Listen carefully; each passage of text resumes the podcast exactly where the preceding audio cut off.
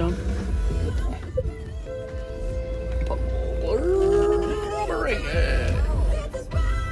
Save me from drowning in the sea. Kijk, eerst de... Beat me up on the beach. What a lovely holiday. Robbie Williams. Oh, even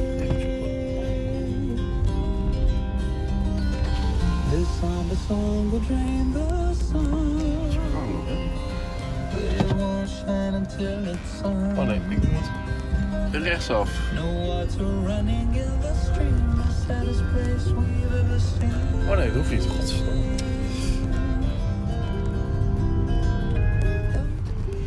Kop erbij hebben. Ehm nou ja, laten we toch gaan. Nee, dat kan niet. Dat kan niet doorrijden. Kan wel. Maar dat kan wel. Ehm, ja, want ik dacht dat ik even niet naar het bos kon rijden omdat de Julianaweg is afgesloten. Maar daar hoef ik ook niet te rijden, want ik kan gewoon rechtsaf de Walderpoort, Walderstraat in en dan langs de gracht en eh et cetera. Maar goed, nu doe ik het dus weer anders. Nu komen zij uit die uitrit waar ik ook uit had kunnen komen. Goed, ik had dus linksaf willen slaan.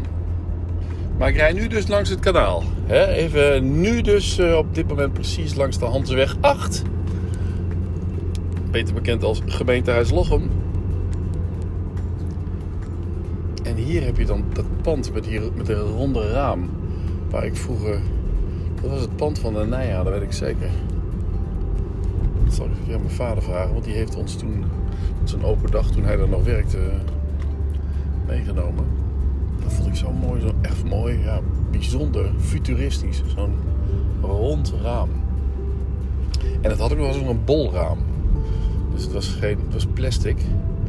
Plastic bolling aan beide kanten, binnen en buiten. Ja, het, was gewoon, eh, het was gewoon de toekomst. Het was nog voordat Back to the Future in 1984 uitkwam. Dus dan heb het over eh, eind jaren 70. Anyway. Wat kreeg ik toch een leuk appje van Erna. Daar wil ik het toch nog even graag over hebben. ik heb hem al eh, doorgestuurd naar verschillende mensen. Zoals Joris van Zijl. Joris, weet ook weer. En, en Monique ook. En ik dacht, ja, dit is toch wel zo'n mooie tekst. Eigenlijk moet ik die publiceren. Dus dat ga ik nog wel doen, denk ik. In het... eh, in het... eh, in de Mijn Momenten omgeving. Want daar hoort hij eigenlijk wel een beetje thuis. Denk ik. Maar ja, dan leest geen hond hem natuurlijk. Hè. Wie, wie leest nou blogs van mijn moment? En ik ben dat verspreiden een beetje eh, moe. Eigenlijk moet ik dat wel doen, hè, want anders gaat niemand het lezen. Terwijl, of krijgt niemand de kans om, om dat te gaan lezen. Dat is het eigenlijk. Hè. Dat, is, ook echt zo'n zo'n puur Anna-Maria dingetje. Daar verschil ik nog wel eens van mening over met haar. Dat ik... ehm, dat ik niet alles gewoon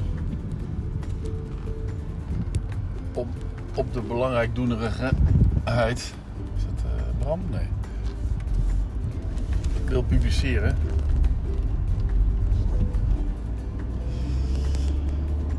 Omdat iedereen het allemaal moet lezen. Of dat je, dat je jezelf dan zo... Hé, hey, dik lammerdrink. Dus ik... ehm, maar toch is het wel, eigenlijk heeft Annemaria ook alweer gelijk. Dat je zegt, ja, als je iets publiceert, verspreid het dan ook onder je sociale kanalen. Want je geeft de mensen de kans om het wel of niet te lezen. En als je dat niet doet, dan, dan, ja, dan, dan ga je er een beetje vanuit, en dat is ook arrogant, dat iedereen maar jouw blog volgt. Of iedereen maar een RSS-feed abonnement heeft op jouw eh, blog. Dat heeft natuurlijk helemaal niemand meer. Niet alleen op mijn blog niet, maar de RSS-feeds. Ja, wie biedt dat? Dat was iets van vroeger. Toen er nog geen sociale media was. En deze auto wordt herkend door deze mensen. Hé, hey, matsie, matsie. Ah. Fietsers fietsen. Oh. Kleine kindjes. Voor op de borst, borst gewikkeld in zo'n wikkel. En allemaal fietsen. Ook leuk. Maar goed, wat ik daarvan vind, hè, dus ik, ik ben het ook wel over eens. Dus je moet, als ik ga, als ik, mijn, eh, als ik die mooie app van, een vrij lange app ook weer van Erna, ga publiceren, dan moet ik er ook aandacht aan besteden op Twitter. En ook op Facebook. En ook op, eigenlijk moet ik daar gewoon vanaf nu altijd, altijd alles gaan, gaan delen. Want waarom publiceer je het anders? Dus je moet mensen, eigenlijk dat is het. Je moet mensen de kans geven om het wel of niet te, gaan lezen. Dat is het. Dat is het meest sociale. En niet denken van, ah, dan moeten ze wel echt speciaal maar eh, gewoon mij in de gaten houden. Want dan heb je iets, dat is onzin. Dat is gewoon eh, een arrogante houding. Dus, dat heb ik ook weer ehm, gerechtvaardigd. ik, krijg dan, ik heb dan het raam open, dan krijg ik dan eh, fietsers langs fietsen of, eh of voortduwende invaliden die... eh, oh nee, op zo'n fiets was dat. fiets met, een, met zo'n helemaal zo'n ding en waar dan zo'n rolstoel in zit. Nee, ik snap. En ehm dan hoor je mensen ook zeggen van ja, maar beneden is niet zo groot. en dat is ook zo. Het, is, het zijn natuurlijk geen grote ruimtes waar ik woon, waar ik in leef. En dat hoeft voor mij ook niet, maar dat vind ik ook het fijne ervan. Je hebt, het is allemaal zo compact. Ik zat net te denken, laat ik eens een rondje stofzuigen eh, doen. Volgens mij kan ik het hele huis gewoon in een, eh, nou ja, in een half uur doen. Niet overdreven. Het is 130 vierkante meter afnemen. Nou, dat is ook zo gebeurd. Doe je gewoon eh, één, keer in de, eh, één keer in de week of zo. eh, doe je het huis een keer afnemen. Nou, ben, half uur, drie kwartier mee kwijt. Maar het is inderdaad, eh, het is niet groot, maar het is, ik zoals zo'n zo'n studio die ik nou beneden heb. Ja, die is gewoon groter dan het kantoor wat ik ehm, aan de Tramstraat had. En ja, als ik niet op locatie ergens aan het werk ben, dan ben ik meestal.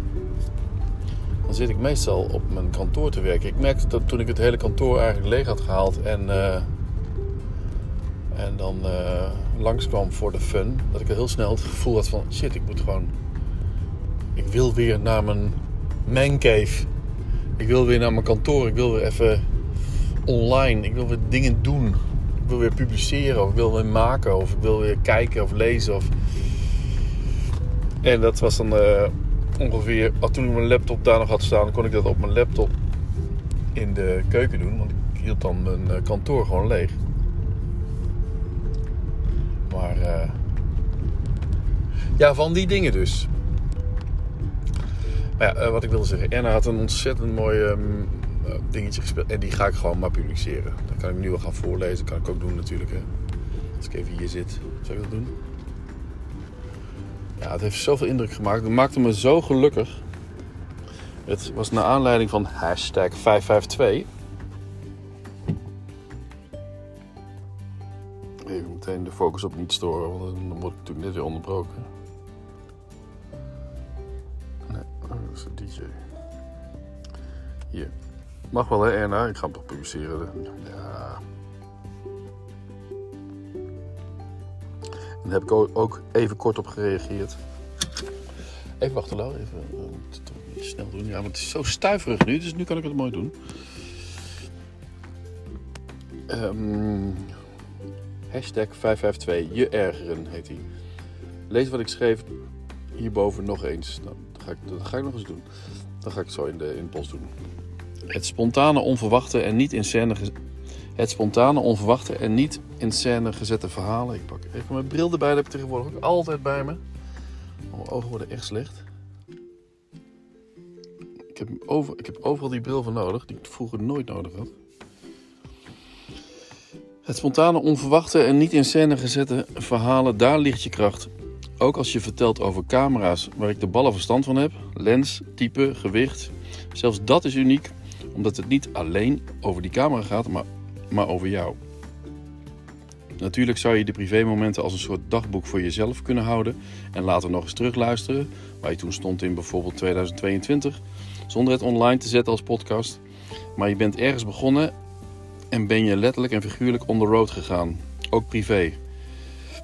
En tussen haakjes, maar ik zie dat je podcast niet meer zo heet. Ja, ik heb hem nu alweer teruggedraaid. Naar aanleiding van deze app heb ik hem weer eh, niet meer Punk Media Podcast genoemd, maar Punk Media on the Road. Want ik vind dat Erna helemaal gelijk heeft.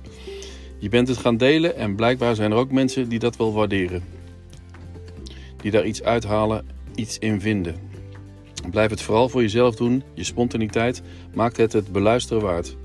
Je gedachtenspinsels, het afgeleid worden, het brood bij de bakker, de stress omtrent het voetbalplaatjesboek, het steeds dichterbij komende definitieve nieuwe gezinsleven in twee huizen, de dynamiek.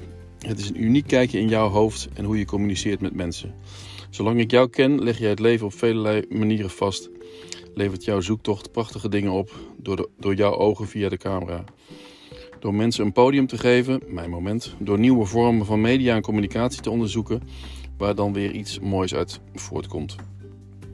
En niet te vergeten de honden van jou, in jouw leven, niet alleen je eigen honden. Daarom zijn die boswandelingen en opnames voor mij bijvoorbeeld wel geweldig. Kritiek, feedback. Het is natuurlijk nooit verkeerd om het tot je te nemen, maar laat het je spontaniteit niet in de weg staan. Sinds ik je podcast heb ontdekt en ik nu trouw luisteraar ben, vroeg ik me af wat, er nou zo leuk, wat ik er nou zo leuk aan vind. Behalve dat ik je ken, ik het leuk vind om je stukjes privé te horen, maar dat is het niet alleen. Het zit hem ook in de manier waarop je vertelt. Ik zei het geloof ik al een keertje eerder, alsof ik naast je in de auto zit en meereis. En natuurlijk heb ik de tijd om te luisteren. Is het voor mij afleiding en luister ik graag in bed als ik niet kan slapen, zoals nu. Of als ik in de ochtend tussen de bedrijven door van opstaan wat dagelijks een helft job is geworden.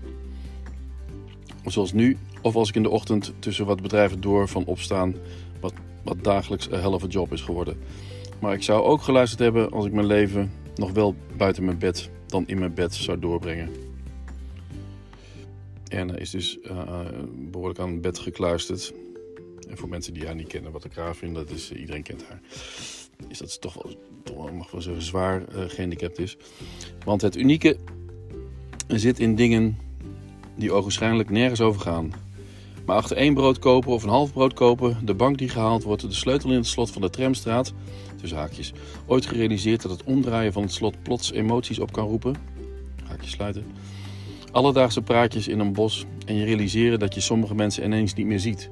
Panden in het dorp die afgebroken worden. Alles regelmatig weer afgewisseld door humor en zelfspot.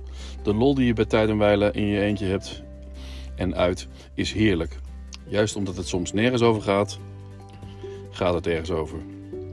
Blijf lekker experimenteren slash creëren HJ. Of het nou 50 minuten is of 20 minuten. Keep on going on the road. Nou... En ik zal mijn reactie hierop. Uh, zal ik zo meteen. Uh, nee, dat ga ik gewoon meteen hier doen. Wat is het nou? Wat doe ik nou moeilijk? Oh, het is zo warm. het is zo warm de auto. Nee, ik ga gewoon uit, uit de auto ga ik het voorlezen. Het is voor Lola ook niet meer te doen, hè? Gaat die Lo?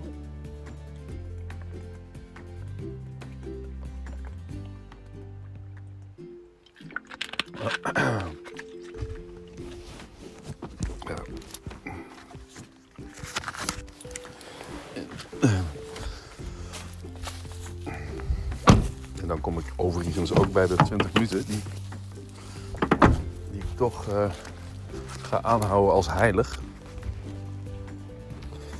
Vind ik wel mooi, dan maak je het allemaal zo lekker hapklaar.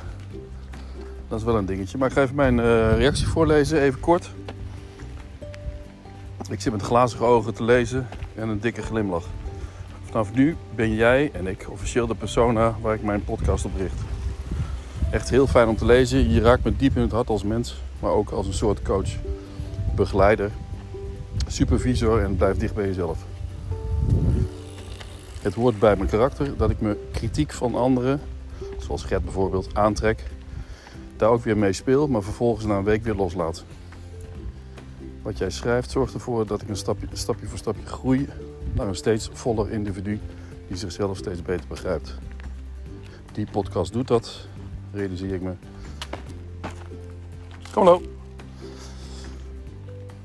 realiseer ik me. En hoe die podcast bij jou binnenkomt, doet eigenlijk precies wat ik voor ogen heb in het delen. Dubbele punt. Het neemt je mee in mijn leven. En van tijd tot tijd haal je er weer wat voor jezelf uit en leer je.